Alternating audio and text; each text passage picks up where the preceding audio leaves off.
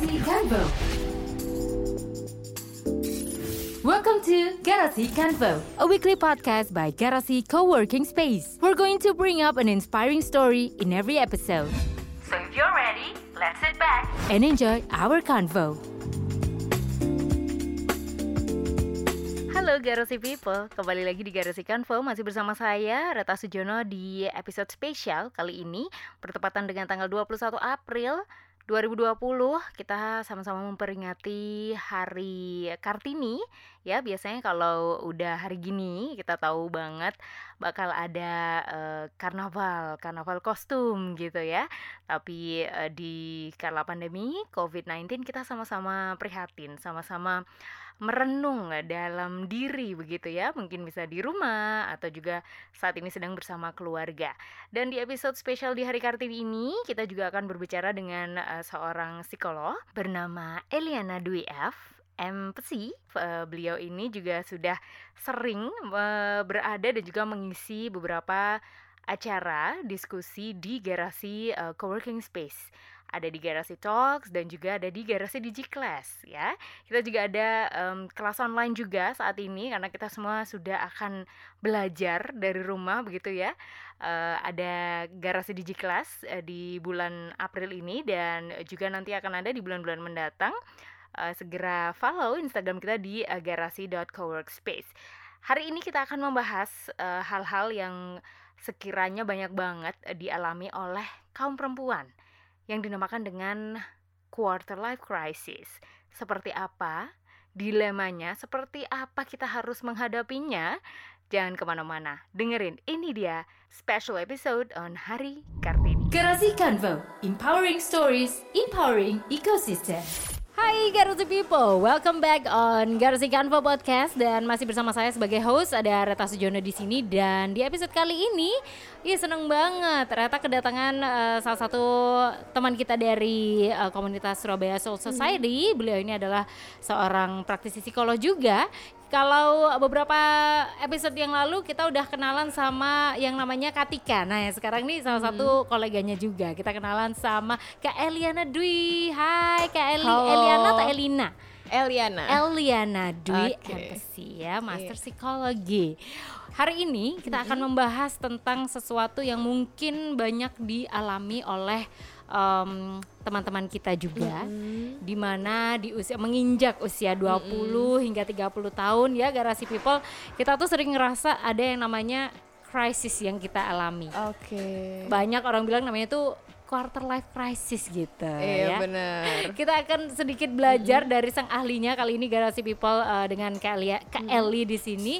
Boleh mungkin diceritain sama uh, Garasi People sendiri bahwa what is actually quarter life crisis? Oke, jadi quarter life crisis ini adalah suatu periode kehidupan nih, mm -mm. di mana individu ini mengalami kekhawatiran ataupun kecemasan tentang masa depannya. Mm -mm. Biasanya mereka mulai mempertanyakan sesuatu. Sebenarnya keputusan yang aku ambil nih bener nggak ya? Mm -hmm. Sebenarnya uh, apa yang aku putuskan ini sesuai nggak ya sama jalan hidupku? Oke, okay. kayak gitu. Jadi mm -hmm. um, apakah memang benar bahwa hal ini tuh terjadi di fase-fase usia 20 hingga 30 tahun aja atau bisa lebih? Dari usia 30 tahun? Oke, okay, biasanya sih uh, di usia-usia pertengahan 20 ya sampai okay. awal 35 karena hmm. mereka mulai uh, selesai kuliah nih, mereka mulai wondering mau ke mana mereka, hmm, entah mau menikah atau mau cari kerja. Kalaupun udah kerja, mereka wondering lagi apakah kerjanya udah sesuai passion mereka okay. atau mereka pengen nyoba hal-hal yang lain hmm, kayak gitu. Hmm, jadi hmm. sebenarnya memang menginjak usia sekitar 20 pertengahan ya berarti hmm, ya. Benar, pertengahan. itu uh, kalau dari presentasi presentasinya sendiri banyak hmm. yang bilang kalau KLC atau quarter life crisis ini um, banyak dialami oleh perempuan. Is that true? Is that a fact or just a myth? Among these people. Oke, okay, jadi emang ada nih penelitian yang bilang kalau misalkan QLC ini lebih banyak dialami oleh perempuan mm -hmm. dibandingkan dengan mhm. laki-laki. Mm -hmm. Apalagi di Indonesia ada budaya patriarki ya di mana mm -hmm. memang perempuan ini harus segera menikah, mm -hmm. tuntutan untuk berkarir dan juga untuk mandiri secara finansial, belum lagi harus aktif di kegiatan sosial. Nah, ini mm -hmm. yang mhm. membuat akhirnya perempuan ini lebih beresiko untuk mengalami QLC. Oke. Okay fase-fase yang biasanya kita alami tuh kalau pas lagi ngalamin quarter life crisis tuh terparahnya sampai seperti apa sih Kak Eliana dari kasus-kasus yang sudah ada hmm, Oke, okay. jadi biasanya mulai khawatir, mulai cemas, mulai stres, terus juga bahkan ada yang mengalami simptom-simptom depresi mm-hmm. seperti muter depresif, kayak mm-hmm. demotivasi, mm-hmm. bingung mm-hmm. menentukan tujuan hidupnya, mm-hmm. pengen kayak gimana, sampai juga uh, ada yang insomnia, hypersomnia, okay. sampai nafsu makan menurun, bahkan okay. sampai hal-hal seperti itu. Wow, banyak ternyata yang yang hmm. yang apa ya yang ditimbulkan dari kekialsian ini gitu ya. Um, apa yang harus dilakukan oleh seseorang hmm. yang masuk di fase quarter life crisis terutama hmm. yang sudah mulai lulus kuliah udah ditanyain sama orang tua abis ini mau kerja apa apakah kamu mau masuk jadi PNS apakah hmm. kamu mau menikah atau gimana itu harus seperti apa sih sebenarnya uh, Kak Eli gitu hmm. Oke, jadi yang pertama biasanya orang-orang yang mengalami QLC ini karena sering kali membandingkan diri nih dengan orang lain. Jadi caranya adalah dengan berhenti membandingkan diri dengan orang lain karena mm -hmm. memang track kita beda, mm kemampuan ketidakmampuan kita berbeda sama orang lain.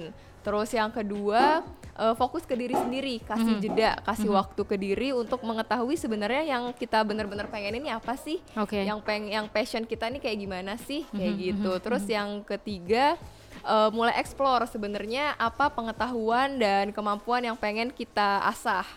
Lalu jangan pernah takut untuk gagal. Gagal tuh wajar banget dialami oleh setiap individu karena gagal membuat kita bertumbuh. Mm -hmm. Kayak mm -hmm. gitu sih.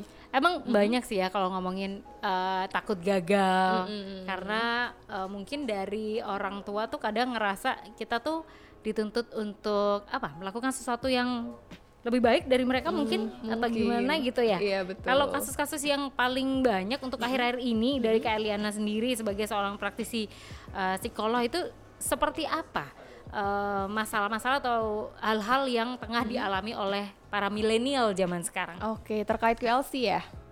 Ya. Oke, jadi biasanya nih tuntutan untuk segera menikah nih untuk mm -hmm. para perempuan tuh banyak banget dialami sekarang. Terus juga uh, dia bingung nih menentukan mau kerjanya sesuai dengan keinginan orang tua mm -hmm. atau dia pengen kerja sendiri mm -hmm. tapi mm -hmm. ngerasa khawatir kalau okay. misalkan pekerjaan yang dia pilih tidak menghasilkan. Okay. Terus juga terkait harapan-harapannya yang ternyata nggak jadi kenyataan hmm. karena mereka biasanya orang-orang milenial itu cenderung idealis. Oh, mereka begitu. punya mimpi yang uh, tinggi sedangkan hmm. uh, banyak banget nih mimpi-mimpi yang akhirnya nggak jadi kenyataan. Hmm. Okay. Banyak juga sih kayak yang udah barusan magang terus kerja sebulan dua bulan cabut dia ya iya, kan? karena ngerasa uh, itu bukan passion aku banget okay. atau gajinya nggak sesuai okay. kayak gitu. Jadi mending follow your passion tapi kerjanya tuh nggak lama atau gimana hmm. sih sebenarnya karena banyak banget nih anak-anak yang I think my my passion is in um, culinary misalnya dia hmm. jadi jadi apa belajar tentang menjadi barista atau apa hmm. beverage gitu ya. Tapi tiba-tiba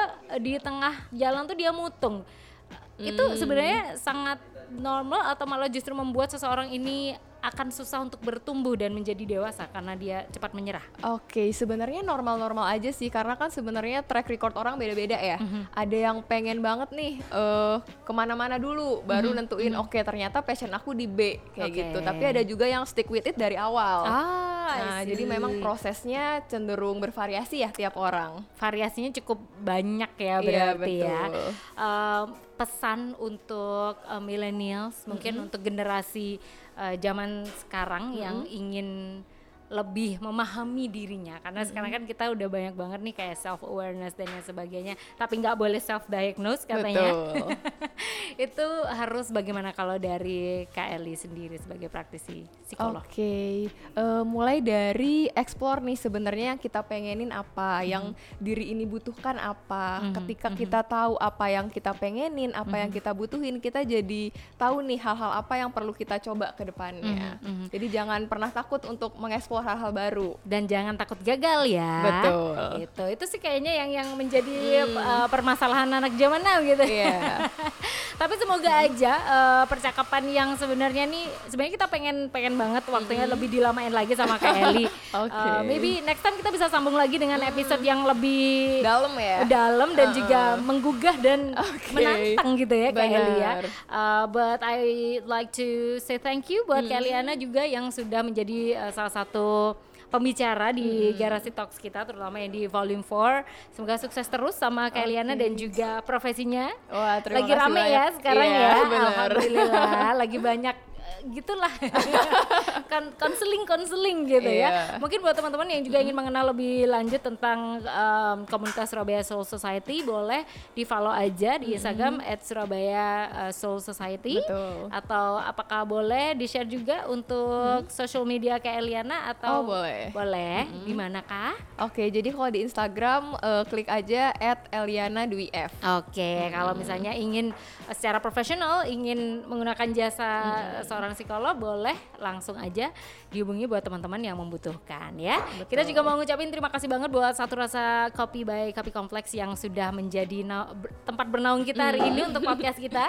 yeah. Dan juga True Sonic Studio Surabaya yang sudah membantu untuk membuat opening and closing tunes kita. So Garzi people, thank you very much for listening on Garzi for this episode. I'm going to talk with you again on another episode only on Garzi Convo Empowering Ecosystem.